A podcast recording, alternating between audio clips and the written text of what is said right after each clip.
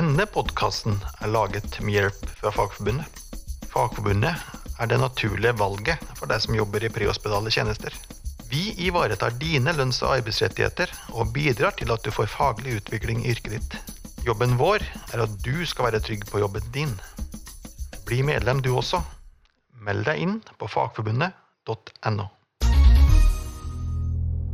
Jeg vil at du skal vite at denne podkasten er produsert 10.3.2020. Du må selv holde deg oppdatert på gjeldende råd fra Folkehelseinstituttet.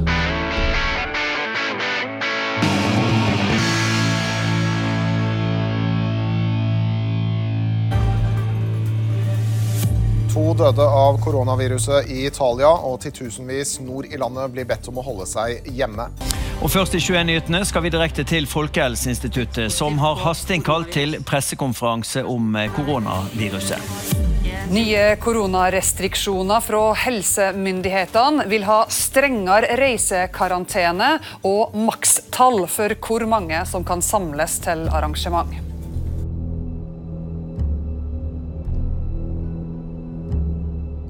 Korona, eller covid-19-viruset, har kommet til Norge.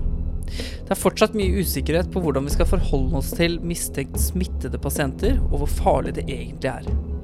Nå kan det hende at vi faktisk må endre noe av vår hverdag.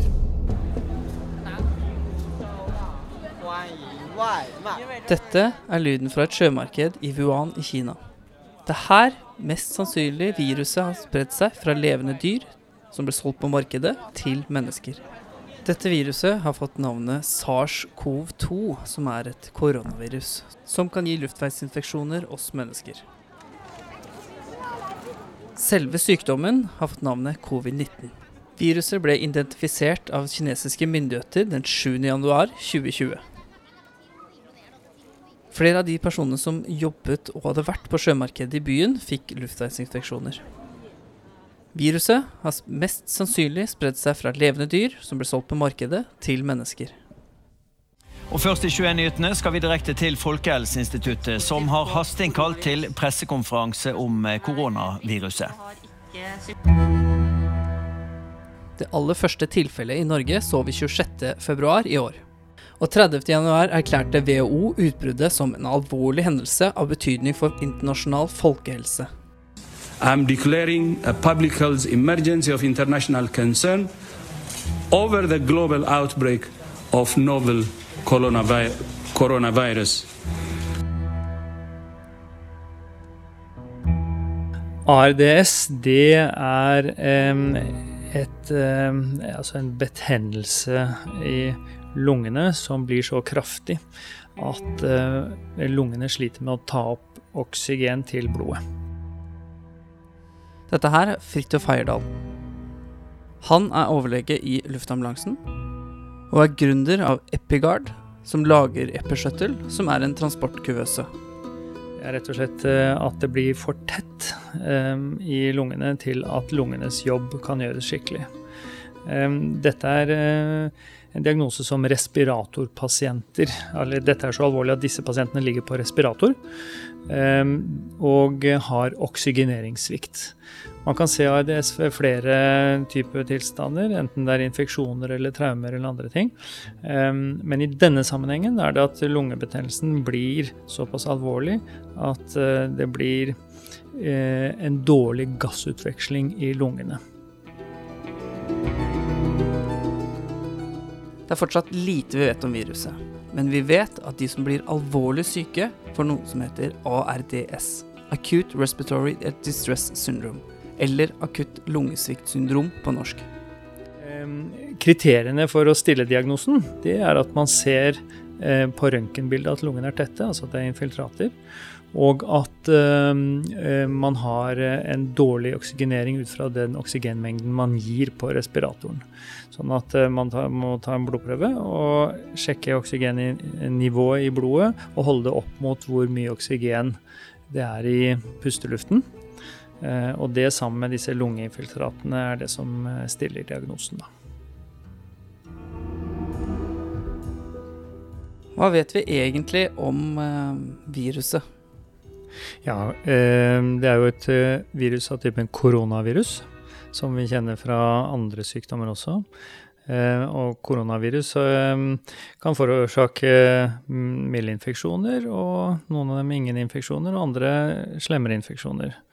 Og mm, fra de, både nå i denne epidemien og fra tidligere så har det vært at viruset har infisert dyr, og som så har blitt i stand til å smitte mennesker. Og så i neste omgang har vært i stand til å smitte fra menneske til menneske. Så, og, mens vi i Midtøsten, altså MERS, som var Midtøsten-koronaen, den smittet fra kamel til menneske. Og nå er det mer snakk om at jeg har smittet fra flaggermus og katt til menneske.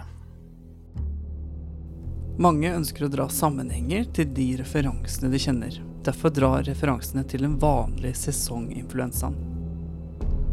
Hva er det som skiller sesonginfluensaen fra dette viruset? Ja, altså det er to forskjellige virustyper.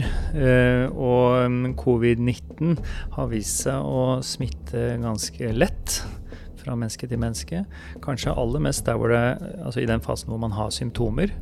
Ehm, men man er ikke helt sikre på hvor eh, Det er såpass tidlig i epidemien at man er ikke helt sikker på hvor lett den smitter før man får symptomer.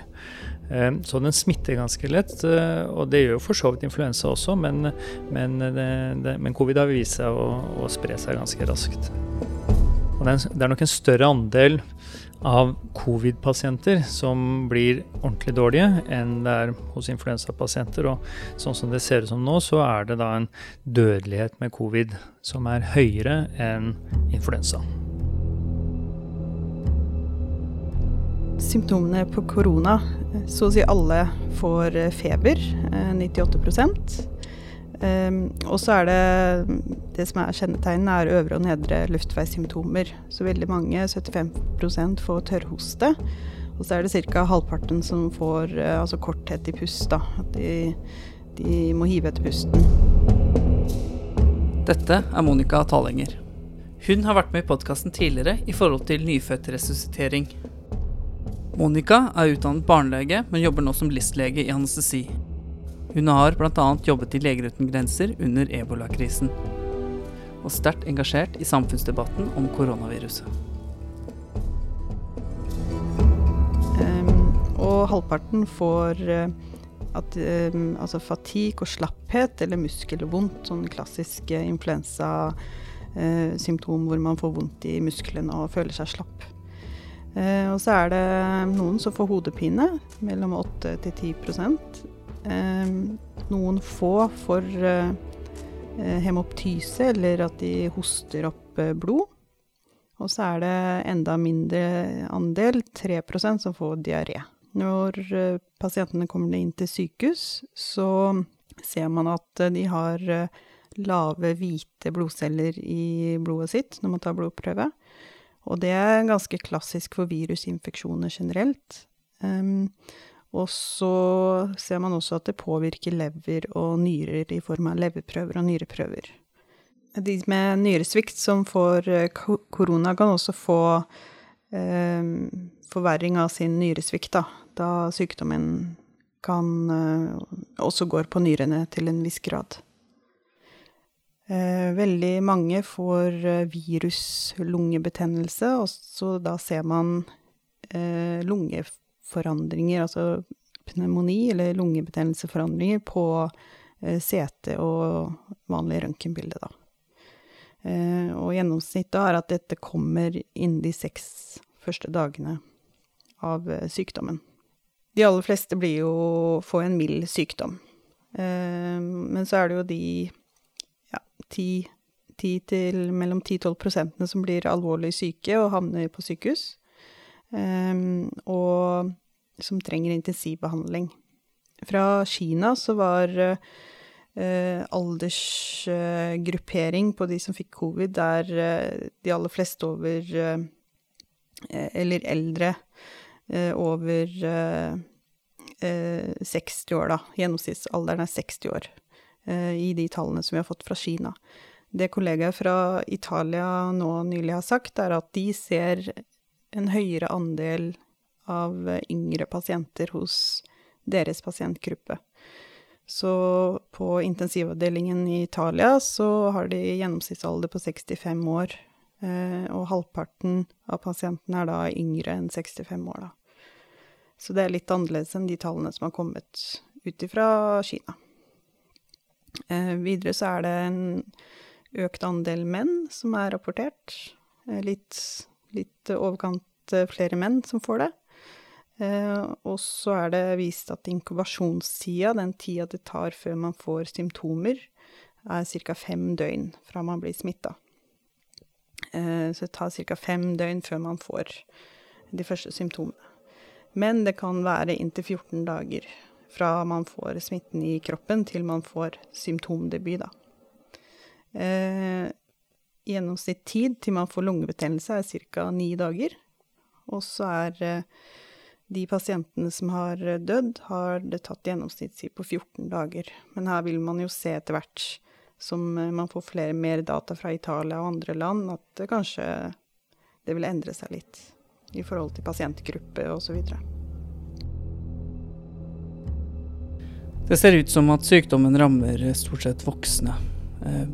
Et fåtall av barn som er registrert alvorlig syke av covid-19.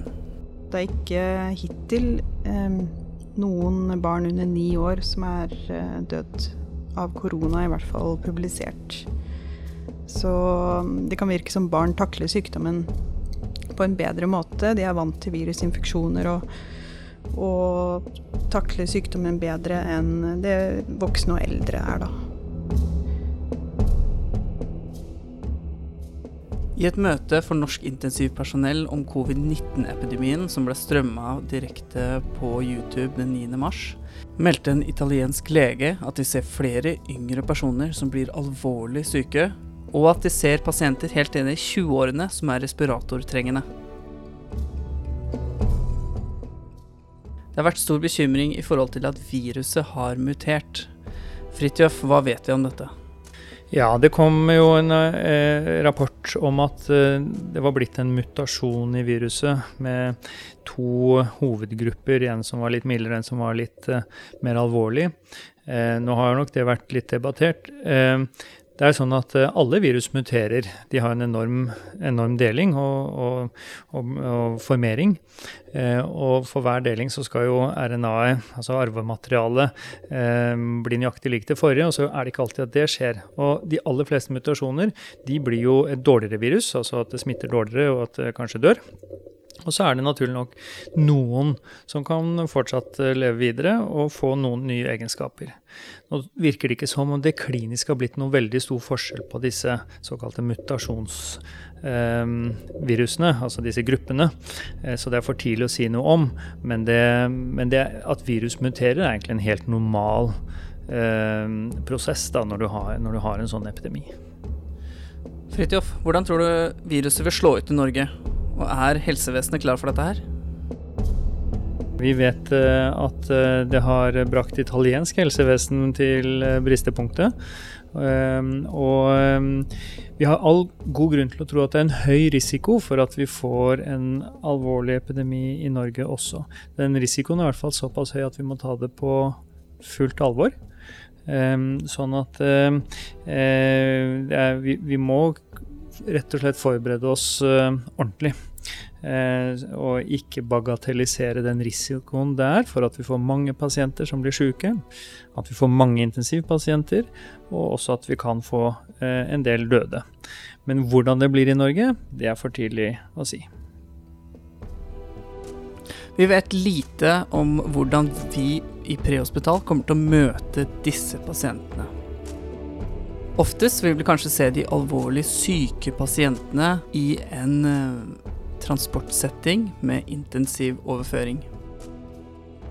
Fridtjof og Monica, hva slags pasienter kan vi forvente utenfor sykehus? De, de pasientene som blir det store grosset i, i, ambulansetjenesten, det tror jeg de pasientene som må hentes hjemme, eller altså der hvor de er, utenfor institusjon, og eh, transporteres til et sykehus. Um, og, og, de vil ha luftveissymptomer og influensasymptomer. Det vil si feber, de vil ha hoste og harking.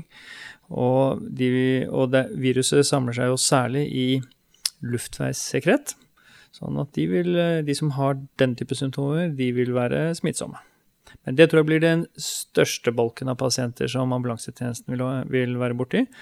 Og i langt mindre grad de som er innlagt på ett sykehus som trenger å flyttes opp i sykehuskjeden til et universitetssykehus. Det vil være de få. Ja, jeg vil tro at det skal litt til at man får intubasjonsbehov ute. Det er nok de som har holdt seg veldig, veldig lenge hjemme og eh, ikke turt å si fra. Eh, det er klart de kan komme, men dette, ikke, dette kommer ikke så brått på. sånn at dette er en gradvis forverring. Så de aller fleste vil ikke ha behov for luftveisstøtte før de har vært inne på sykehuset, tror jeg. Monica, den viktigste behandling for oss prehospitalt, og hva skal vi tenke på?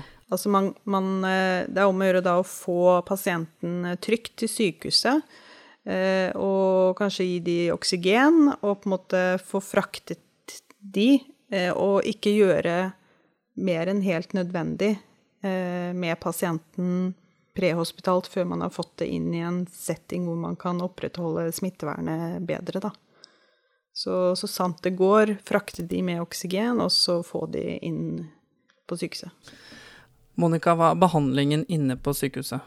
Ehm, de som trenger sykehusinnleggelse, ehm, de skal jo isoleres eh, først og fremst da på en eh, infeksjonsavdeling, eh, hvis det er tilgjengelig.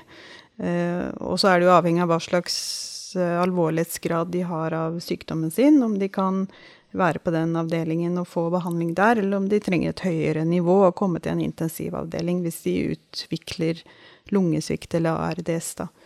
Eh, og det mm, Så for de som ligger på en infeksjonsavdeling, så er det jo med støttebehandling som man kan gjøre på den enheten. Eh, men havner de da over på en Eller trenger de mer intensiv behandling, så er det jo De aller fleste som vi har snakket om, eh, trenger jo respirasjonsstøtte. De trenger oksygen, og får nok oksygentilførsel. Eh, og så blir det jo da å se om, de, om det holder med vanlig oksygen. Eller om de da trenger mer invasiv støtte i form av non-invasiv ventilatorbehandling, altså CPAP og BIPAP og sånne ting, eh, eller at de må på respirator.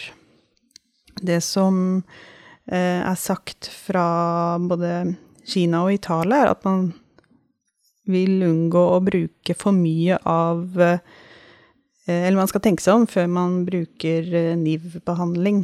Man har sett at mange av de pasientene går i en lungesvikt Eh, situasjon ganske raskt, og at de ikke bør ligge lenge på NIV eller CPAP. I tillegg så er det det smitteaspektet ved det, at man tror at eh, NIV-behandling, CPAP, high flow osv. gir aerosol som kan smitte lettere til de som be behandler, altså personellet rundt. At, eh, og det er et viktig aspekt. Eh, at det er økt risiko for smitte ved den type behandling at man kanskje skal være raskere til å legge de på respirator. Eh, og så ser man fra Italia nå at eh, pasientene som havner på respirator, har lange respira respiratorløp. At det er vanskelig å få de av maskinen, eh, og vanskelig å avvenne eh, respiratorbehandlingen. De blir liggende lenge. Så det kan jo bli et stort ressursproblem i form av at vi har begrensa med utstyr på intensivavdelingene. Og ikke minst eh, personell, da. Som eh, det, er, har, det, er, en begrensa ressurs, eh, vi som jobber med intensiv eh, behandling og akuttmedisin. Så det er viktig at folk holder seg friske framover, for vi får, får nok nok å gjøre. Jo, eh, altså hovedprinsippene på intensivbehandling blir jo å Eh, respiratorbehandle etter ARDS-protokollene. og ARDS snakket vi om i stad. Eh, men det dreier seg om at man har en skånsom ventilering på respiratoren. Og så dreier det seg om sepsisbehandling. Eh, disse pasientene ter seg jo, eller har jo eh, sepsis, og sepsisprotokollene må jo da også følges her. Og i tillegg, men det er anbefalt at man er relativt restriktiv med væske. Eh, at man ikke peiser på med for mye væske på pasientene. fordi når respirasjon er det store problemet, så vil for mye væske raskt skape problemer for oksygeneringen og respiratorbehandlingen. Så det er de to hovedprinsippene for intensivbehandling. Og utover det så er det jo all den andre støttebehandlingen som var på intensivpasienter, som dreier seg om ernæring, nyrefunksjon osv. Så. Ehm, så det liksom ligger i bunnen. Men eh, ARDS og sepsisbehandling blir de to viktigste pilarene det, på denne sykdommen. Få antall pasienter har jo superinfeksjoner, altså de får bakterielle infeksjoner i tillegg. Eh, så det er vel eh, siste anbefalingen jeg har hørt nå, er at man skal gi antibiotika. Men det er jo ikke for å behandle selve viruset, det er for å behandle eventuelt eh, infeksjons, altså bakteriell infeksjon i tillegg, da. Så har det vært en diskusjon rundt bruk av steroider. Og nå anbefaler det vi hørte i dag fra Italia, er at de anbefaler å ikke bruke steroider. Og det vet de for så vidt fra viruspneumoni eller behandling av ARDS hos pasienter med virusinfeksjoner, at det ikke har noe for seg i den i den behandlingen, sannsynligvis fordi det kan forlenge virusinfeksjonen i kroppen. Um, så er, det, ja, så er det som jeg snakket om støttebehandling, og så er det kommet en del Eller det har gjort, kommet noen studier på alt mer sånn alternative, hvis man kan kalle det det, eh, studiemedisin. Og da er det klorokvin, som er en veldig gammel type malariamedisin som har eksistert over 70 år. Eh, malaria nå er resistent mot den medisinen, men man tror kanskje det kan ha noe effekt. Eh, og så er det Tamiflu, som vi brukte ved forrige eh, influensautbrudd. Eh, og så er det hiv-medisiner, som de bruker i forsøksvis nå. Men eh, som våre kolleger fra Italia i dag sa det, så er dette rent compassionate use, altså vi, vi gir det på pga. medfølelse. Det er ikke noe foreløpig bevis på at det kurerer sykdommen. vi gir det fordi vi, vi ønsker det beste for pasienten, og vi håper og tror at det hjelper. Våre venner i Italia er altså frustrerte for at vi ikke klarer å finne en god behandling til disse pasientene som er så alvorlig syke. Situasjonen i Italia er en epidemi. Hva er forskjellen på en epidemi og pandemi, Monica? Eller en pandemi, da. Det, WHOs definisjon er at det er en infeksjonssykdom som rammer mennesker eller dyr over et veldig omfattende geografisk område eh, over flere verdensdeler. Så det er eh, veldig mange personer skal, som skal være smitta av eh, sykdommen. Mens epidemier pågår gjerne i mer avgrensa områder. Det sprer seg raskt eh, mellom mennesker, men det blir en avgrensa infeksjon. Både i, med folkegruppe eller med eh, personer, og arealmessig i forhold til geografi.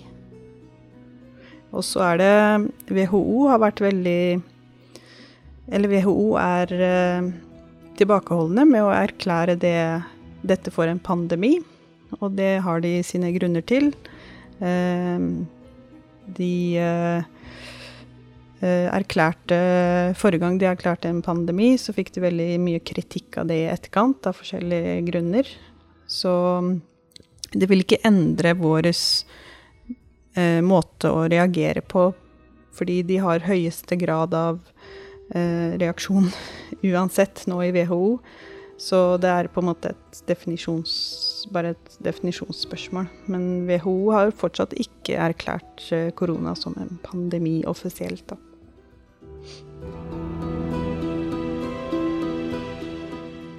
Vi som helsepersonell har et stort ansvar om å forebygge og være forbilder for å begrense smitte. Det har vært litt forskjellige diskusjoner hva slags smitte dette er. Eh, noen land bruker luftsmitte, andre land har brukt dråpesmitte. FHI har lagt seg på dråpesmitte. Fridtjof, kan ikke du si litt om hva Folkehelseinstituttets anbefalinger til helsepersonell er akkurat nå? De vanlige smittevernrådene det aller viktigste for de aller fleste er jo å brøsje opp eh, de gode, gamle hygienerådene som egentlig gjelder eh, uansett. Og det dreier seg om å vaske seg på hendene, sprite seg, eh, ha en viss eh, distanse til pasienter som åpenbart har eh, infeksjon. Um, så det ligger i bånn. Og det er nok det som utgjør det aller viktigste. Og så har det kommet en del spesifikke råd, selvfølgelig. Fordi dette, altså korona, er betraktet som en dråpesmitte. Men det er en, som, en dråpesmitte som smitter ganske lett. Så Derfor så har man disse reglene om at hvis man er under én meter fra pasienten, eller veldig nær pasienten, så skal man også bruke munnbind og gjerne øyebeskyttelse.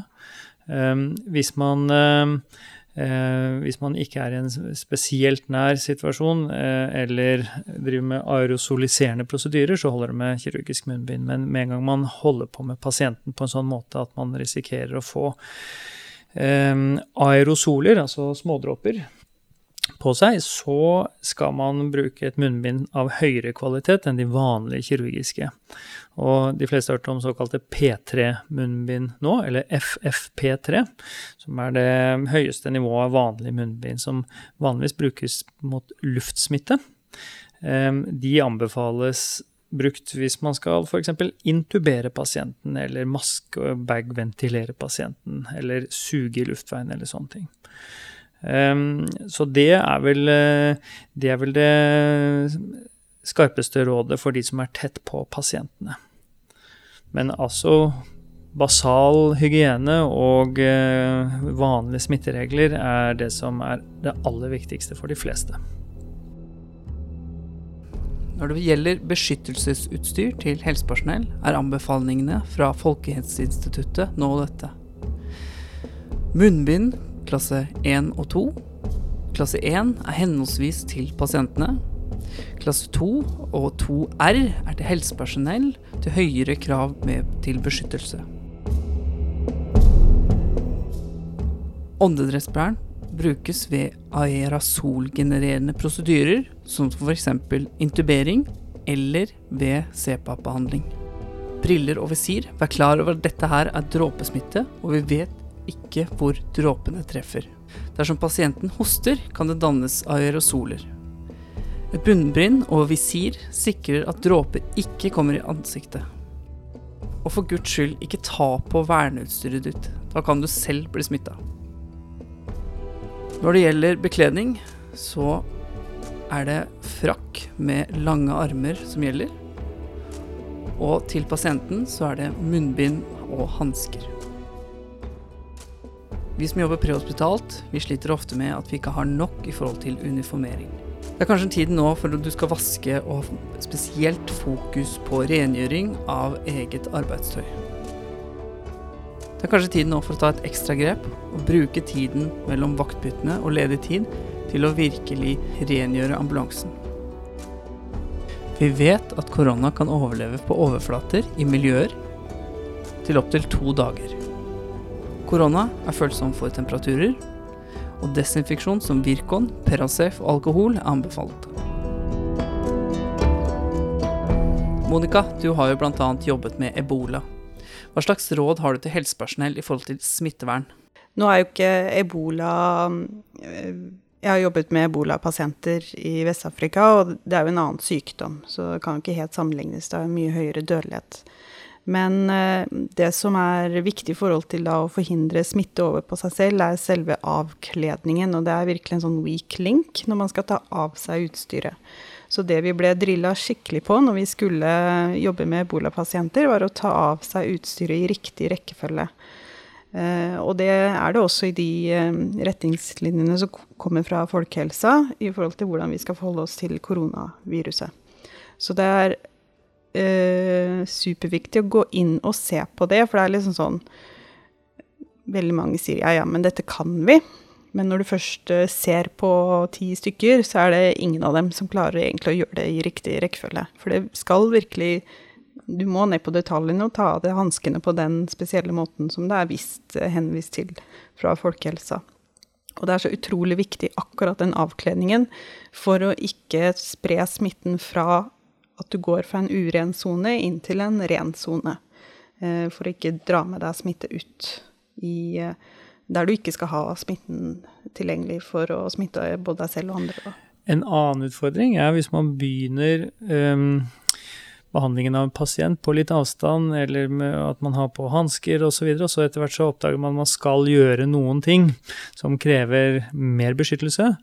Og så er det fristende å bare finne fram det munnbindet, og kanskje til og med uten å ta av deg hanskene, og begynne å tukle med det opp i ansiktet. Og det er en dårlig idé, så man må tenke gjennom rekkefølgen også når man starter behandling, at man eh, er ren på hendene når man begynner å tukle med munnbind opp i ansiktet sitt. Så, så jeg er helt enig, det er sånne detaljer som har mye å si for om man, blir, eh, om man løper en risiko for å bli smitter eller bærer, da. Og i et arbeidsmiljø så er det eh, viktig å ta opp dette her og øve på det. Og selv om man tenker at det er veldig banalt, fordi her må alle gjøre det riktig. Og vi må Det er viktig for vår eh, arbeidsmiljø og for at ikke vi skal smitte hverandre, at vi følger de reglene som er angitt. Så noen kan ikke komme og bare tenke at jeg gjør det på min måte allikevel. Eh, når man jobber med epidemier og sånn alvorlig Når jeg er ute og jobber i i krigssoner så har vi prosedyrer som vi må følge, nettopp med tanke på våre sikkerhets... Altså beskytte oss selv og, og opprettholde sikkerhetsnivået, da. Eh, og det er litt den mentaliteten vi må slå om til nå, når vi skal begynne å jobbe med eh, koronapasienter, som, og kanskje mange i, i antall. Uh, at vi må tenke mer på systemet og hvordan vi jobber, og at vi følger retningslinjene mye mer tight enn det man er vant til. Nå er tiden vi virkelig må samarbeide. Um, Fridtjof og Monica, hva tenker dere er de største utfordringene inne på sykehus? Ja, det er mange utfordringer inne på sykehuset. Altså for det første så er lokaliteten en utfordring ofte. Um, det å frakte en pasient fra et sted til et annet uh, gjør at man må frakte gjennom korridorer og gjennom andre avdelinger. Så, så det, er, eh, det, er, viktig. Eh, de, de isolatpostene eh, og isolatrommene man har, ideelt sett så bør det være inngang fra, direkte fra utsiden, sånn at ambulanse med pasienter med risikosmitte kan levere direkte. Nå er det nok sånn at veldig mange av disse pasientene dette er aktuelt for, kan også få på seg munnbind og hansker og, sånn, sånn at man eh, nok kan frakte dem trygt, selv om det er gjennom korridorer. Um, men det er å tenke på, da. Og kanskje også når man kommer um, fra ambulansetjenesten med en pasient inn på sykehus, at man stikker hodet inn først og sjekker hvordan uh, de vil ha det inn i mottaket sitt. Så jeg tror fordi det er uh, mye lettere å styre smittespredning ved å, um, ved å ha noen gode noen, noen, gode mm, løp for hvor pasientene skal gå, enn å prøve å vaske, og rydde og desinfisere etterpå. Så det er nok et tips. Um, og så er det eh, naturlig nok sånn at alle på sykehus jobber med flere pasienter enn bare disse. Sånn at hvis man har um, man fra, når man går fra pasientrom til pasientrom, så eh, står man jo i fare for å kunne smitte fra en pasient til en annen. Så der, der, man vet at eh, det er en koronasmitte, så skal man prøve å begrense de helsearbeiderne som er på, på disse stuene, eller som har med disse pasientene å gjøre, til å bare være der. Utfordringen er jo der hvor man ikke vet at det er korona ennå, hvis det er pasienter som da er smittet som ikke er bekreftet eller ikke mistenkt ennå. Så vil jeg anbefale å starte å tenke på hvordan vi skal håndtere spesielle kliniske tilstander eller situasjoner i en sånn smittevernsetting. Eh, og tenke ut hvordan man kan simulere det. For med simulering så vil man begynne å se de hullene som vi kan oppleve i real life. da. Eh, F.eks. Eh, at man har et luftisolat hvor det ligger en pasient som forverres respiratorisk, eh, og et anestesiteam må bli tilkalt, og man må vurdere om pasienten må bli intubert der og da. Hvordan gjør man det eh, helt rent praktisk med å ta på seg utstyr? Skal man intubere inne på den stua? Skal de tas ned på intensiv? Altså sånn, man må tenke ut litt hvordan man skal håndtere akutte situasjoner, særlig i en sånn smittesetting. En annen eksempel er hjertestans. Hvis man f.eks. får unge pasienter som, som, går i en stanssituasjon, hvordan skal det gjøres inne på et isolat? Eh, hvis f.eks. et stansteam blir tilkalt. Eh, eh, når vi jobber med ebola, så var det jo ingenting som var akutt i den settingen. Eh, eh, det er nok litt annerledes i den situasjonen vi er nå, men allikevel så er dette med smitte en faktor som man må ta inn i eh, hvordan man skal tilnærme seg pasientene når det skjer noe veldig akutt. Eh, og så er det pandemiberedskapet på sykehuset som sier noe om hvordan eh, hvordan pasientflyten skal være hvis vi får mye pasienter etter hvert. Så f.eks. på en intensivavdeling så kan det være initialt nok med at man bruker de fasilitetene man har. Skulle det komme til en sånn situasjon som er i Italia, hvor pasientene ligger i gangene og på ene, på, inne på operasjon og sånne ting, så er det planer fra tidligere pandemi vi hadde, om hvordan man kan løse det. Eh, og det er gjerne sånn trestegsplaner med eh, å legge kohortisolering, som det heter. At man legger eh, smitta pasienter sammen osv. Så, videre. så Så det må også være en del av planlegging eh, som kommer nå, med hvordan vi kan forberede oss på de kom kommende ukene, som kanskje kan utvikle seg. Prehospitalt kan det bli store utfordringer. Vi leste allerede dagene etter utbruddet i Norge at nødsentralene, spesielt 113-telefonen, ble nedringt pga. mistanke om koronavirus. Nødsentralene har forberedt seg til bl.a. triasjering av pasienter. AMK Oslo har fått dette tilleggsspørsmålet når de skal triasjere pasienter via nødtelefon. Vi har sendt ut en ambulanse for å hjelpe dere. Kan vi spørre om du, pasienten, eller noen hos deg, pasienten, har vært i karantene for koronavirus eller nylig vært på reise i et risikoområde for viruset? Dette er for at ambulansepersonellet skal forberede seg på en god og riktig måte. Det vi må tenke litt på, at vi kan møte pasienter som har en annen underliggende sykdom og mer alvorlig syk og blir lagt inn på sykehus for en annen grunn enn dette viruset. Fridtjof og Monica, hva ser dere som de største utfordringene prehospitalt? Ja, Prehospitalt er det kjempeutfordringer. Fordi eh, enten man er en ambulansearbeider, eller man er hjemmesykepleie eller, eh, eller legevaktslege, så kan man uh, vips være i en situasjon hvor man allerede er inne hos pasienten, før man skjønner at dette er en smitterisiko. Og det, der har vi jo allerede hatt flere eksempler på det. Um, så det, det er veldig viktig å prøve å innhente mistanke om smitte før man går inn til pasienten. At, blir, at de, som har, de som snakker i telefonen i første omgang, da kan prøve å identifisere hvor det er en mulighet. Så man kan ta på seg smittevernutstyr før man kommer inn. For transport av pasientene så er man jo i den situasjonen inni en eh, ambulanse eller hva slags farkost man nå bruker, at man er tett på pasienten. Per definisjon så er man liksom innenfor den radiusen um, på en meter hvor man betrakter dråpesmitte Altså man betrakter dette som en risiko um, for, for å, å, smitte. Um, og hvor man anbefaler å håndtere det omtrent som luftsmitte. Så det betyr jo at hvis vi har en kjent smitte, så bør vi kle oss deretter. Eh, og utfordringen er jo eh, på de som er mistenkte, om det er en høy grad av mistanke, eller om, eh, eller om det er en lav grad. fordi det, det også, Man kan ikke kle på seg fullt smittevernutstyr for absolutt alle pasienter man har, men man må måtte sette en eller annen grense for når man mistenker nok til å beskytte seg. da. Så det er nok kanskje den største utfordringen prehospitalt. Å måtte skjønne når man har med en potensielt smittet pasient å gjøre, da. Og kle seg deretter. Også når man, ambulansen kommer til sykehuset, så er det da viktig å ha de prosessene på plass, hva man gjør med pasienten videre. Eh, at det er godt gjennomtenkt og trent på. Og da mottakssituasjonen i akuttmottaket.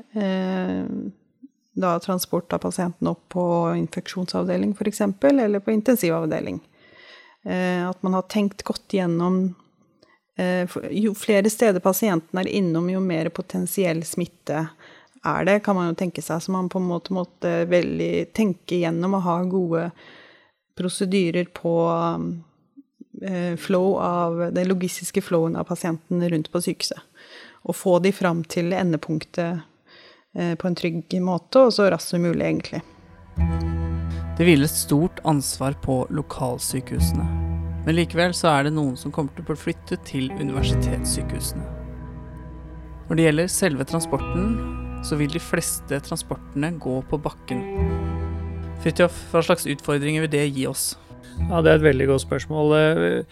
For veldig mange Eller i, i normaldrift så vil det jo være sånn at når pasientene blir, når en viss alvorlighetsgrad, så ønsker man å flytte dem oppover i systemet. Altså fra et lokalsykehus og til et regionsykehus, eller, altså, eller enda høyere. Der har man bestemt seg for at man i større grad skal behandle disse pasientene lokalt, særlig hvis det blir mange. Eh, og av flere grunner. For det første så kan, hvis det blir veldig mange intensivpasienter, så kan jo ikke alle flyttes til Rikshospitalet. Det går jo ikke. Så, så, så av praktiske årsaker så, så må man eh, kanskje holde folk lenger på lokalsykehus enn det man ellers ville gjort. Men det er også det at flyttesituasjonen, altså transporten av pasienter, utgjør jo en betydelig smitterisiko og er en utfordring.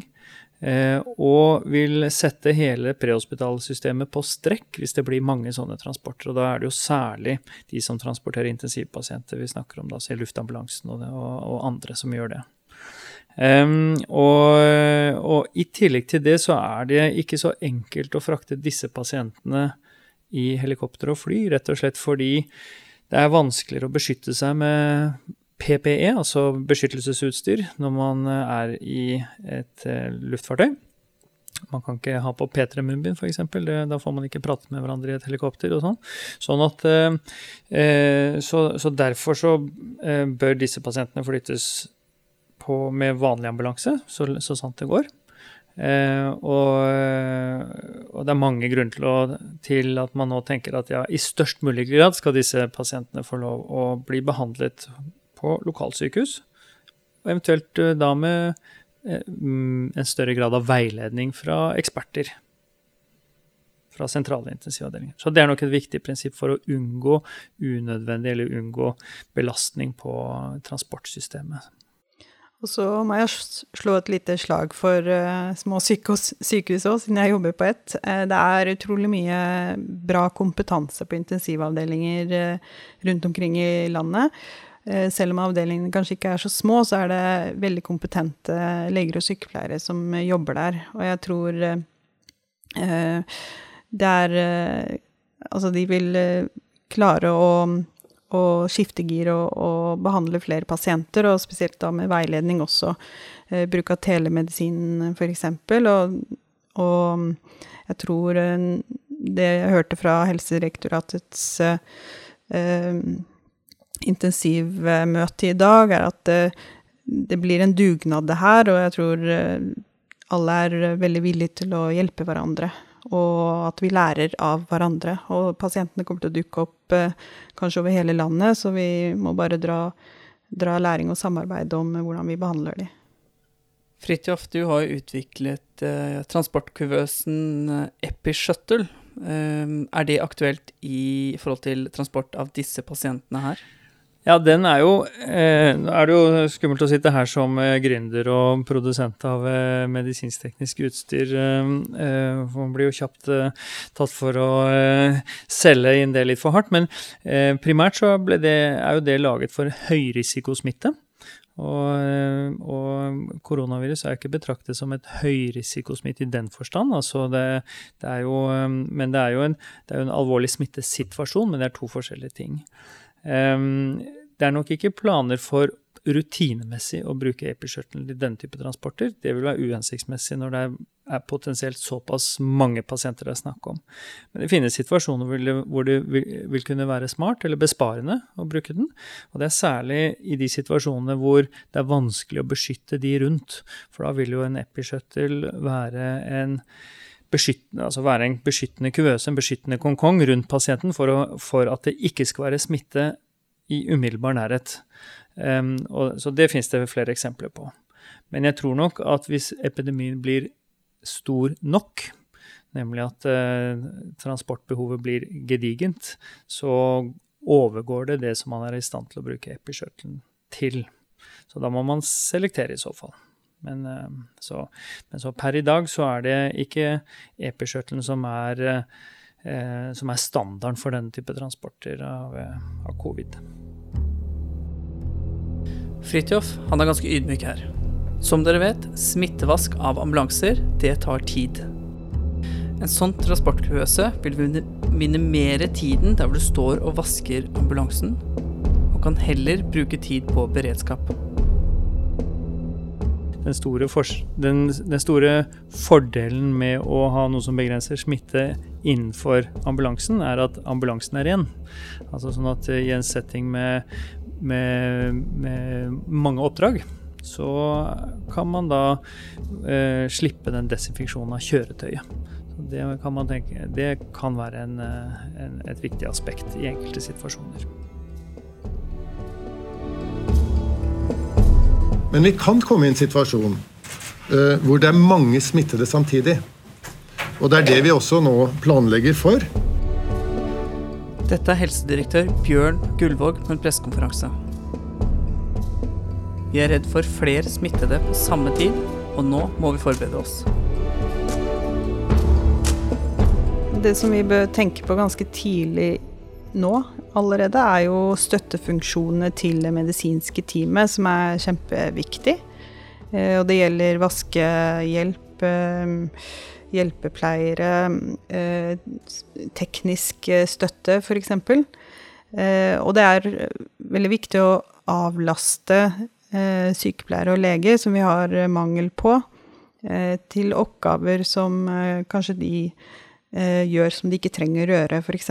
da og tømme søppelbøtter, som sykepleierne gjør i dag. Eh, og det, det, er noe som må tas inn, for det koster jo også selvfølgelig penger. Eh, det kan være hygiene, sånn som i ambulansen. Kanskje man må ha noen som må tas inn for å vaske ambulansen, hvis det blir overveldende for dere å, å håndtere et utbrudd med mye pasienter.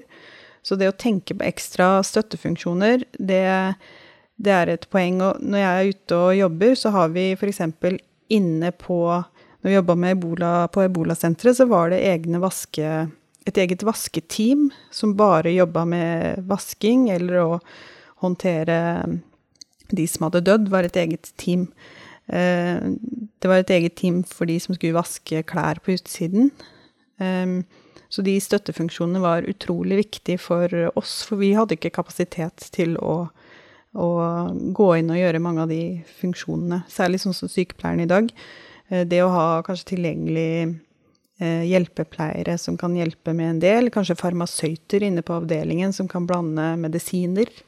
Eh, begynne å tenke ut en del sånn funksjoner for å avlaste. Sykepleierne og leger som skal jobbe mer rett på pasienten, da. Eller direkte med pasienten. Nå er det på tide å begynne å ta dette her alvorlig, og begynne å gasse opp og se hva beredskapen din på din arbeidsplass har for å bekjempe smitte og koronaviruset. Det har jo vært en liten tendens til på Facebook-grupper og på sosiale medier og andre steder at eh, også helsepersonell, i hvert fall inntil i forrige uke, har, vært litt kjekke med å bagatellisere det hele, kalle det for hysteri. Ehm, og jeg tror det er mindre av det nå. Eh, jeg syns i hvert fall at det er eh, viktig å, å, betrakte den risikoen for at dette kan ramme oss på en alvorlig måte skikkelig, og ikke bagatellisere det. Ikke helle bensin på det bålet som, som eh, er med på å skulle latterliggjøre smitteverntiltak, eh, isolasjonsregimer osv. Dette må vi ta alvorlig, det kan ramme oss hardt, selv om vi ikke vet det ennå. Ja, det går i det samme, men ta på seg sikkerhetsbelte og skifte gir. Og begynne å gjøre ting i praksis. Eh, ikke bare forvente at lederne skal ta tak, eller at vi skal få eh, guidelines eh, lagt i hendene, men få på oss skoa, gå inn i avdelingene, inn på der vi jobber, og ta tak selv. Få ved folk, skape engasjement. og vi som jobber, er vår beste og verste fiende til å håndtere det her, og det må vi virkelig ta tak i nå. Det kan, vi kan ikke vente. Nå må du begynne å ta tak. Begynn å vaske hendene dine oftere enn det de gjør. Sprit dem. Kle på deg det du har av smitteutstyr og det som er anbefalt fra Folkehelseinstituttet. Det er helt avgjørende at du som enkelt helsepersonell tar dette her seriøst. Og karantene, det er faen ikke noe ferie. Lydklippene i starten er hentet fra TV 2-nyhetene og NRK. Musikken er fra Epidemic Sound. En hjertelig takk til Fridtjof Heyerdahl og Monica Tallinger, som du hørte i podkasten. Mitt navn er Ole Kristian Andreassen og har podkasten Du puster for fort og jobber som paramedic.